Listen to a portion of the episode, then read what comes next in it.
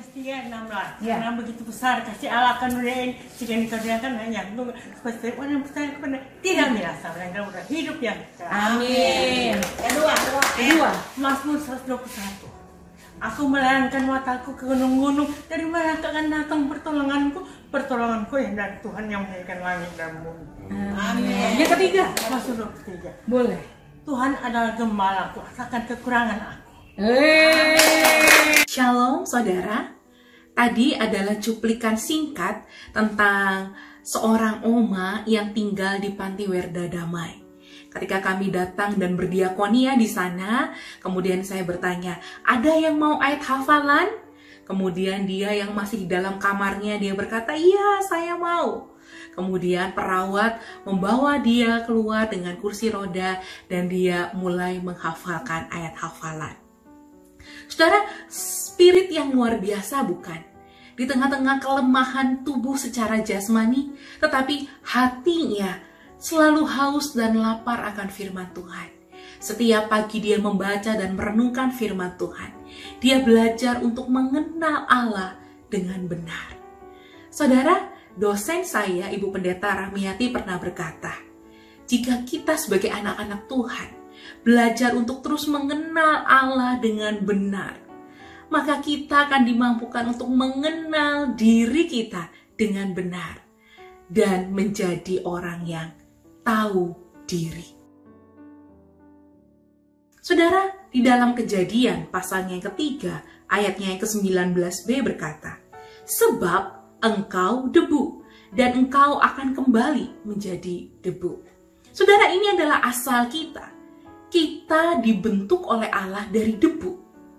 Apakah debu itu adalah barang yang berharga? Apakah barang yang istimewa? Tentu tidak. Itu barang yang sangat mudah kita temukan. Di jalanan, debu itu di mana-mana. Saudara, debu itu merupakan sebuah lambang kerapuhan, ketidakberdayaan, kelemahan.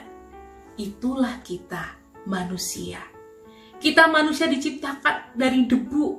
Artinya kita manusia itu begitu lemah. Kita tidak berdaya dan tidak bisa apa-apa di luar Tuhan. Tapi saudara sering kali orang Kristen hari ini tidak menyadari dirinya dari debu. Sehingga ketika baru saja diberikan berkat sedikit, sudah menjadi sombong, pamer, saya bisa beli ini dan itu. Baru dikasih jabatan sedikit saja, naik satu tingkat saja. Waduh, sombongnya mulai kelihatan. Cara dia perintah sana-sini sangat terlihat.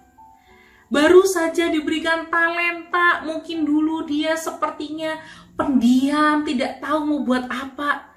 Eh, ternyata tahu, tahu-tahu dia bisa main musik. Tahu-tahu dia bisa menyanyi dengan baik. Dan ketika melayani dengan baik, wah, sudah mulai sombong. Lihat, kalau tidak ada saya, maka pelayanan ini gak bisa jadi. Saudara orang Kristen hari ini sering kali menyombongkan diri dan lupa bahwa ada Allah di balik segala sesuatu yang dia percayakan untuk kita kerjakan hari ini. Kita ini hanya debu. Jangan sekali-kali kita menyombongkan diri kita. Tapi saudara, renungan saya pada hari ini ingin berkata, walaupun kita debu, kita ini lemah, kita ini tidak berdaya, kita ini rapuh. Tetapi debu yang rapuh dan lemah itu di tangan Allah yang penuh kuasa dijadikan berharga. Mari kita membaca satu bagian firman Tuhan dari Yesaya pasal yang 43 ayat yang keempat berkata, Oleh karena engkau berharga di mataku dan mulia dan aku ini mengasihi engkau, maka aku memberikan manusia sebagai gantimu dan bangsa-bangsa sebagai ganti nyawamu. Saudara, di tengah-tengah kelemahan kita, keterbatasan kita sebagai debu itu, tetapi Allah, Sang Pencipta langit dan bumi, ingin menganggap kita berharga karena kita adalah ciptaannya yang mulia. Dia mengasihi kita, membuat kita ini yang tidak layak, yang penuh dengan dosa yang najis dan menjijikkan ini. Kita menerima manusia sebagai ganti kita, yaitu Yesus Kristus yang sebentar lagi kita rayakan, kita peringati baik kematiannya dan kebangkitannya. Saudara mari dalam minggu-minggu prapaskah ini kita semakin menyadari siapa saya. Saya cuma debu.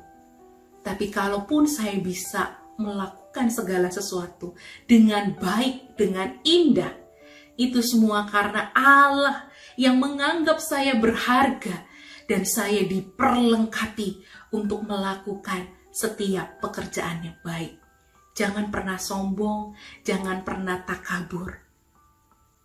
Kiranya Tuhan Yesus menolong kita untuk semakin memaknai minggu-minggu prapaskah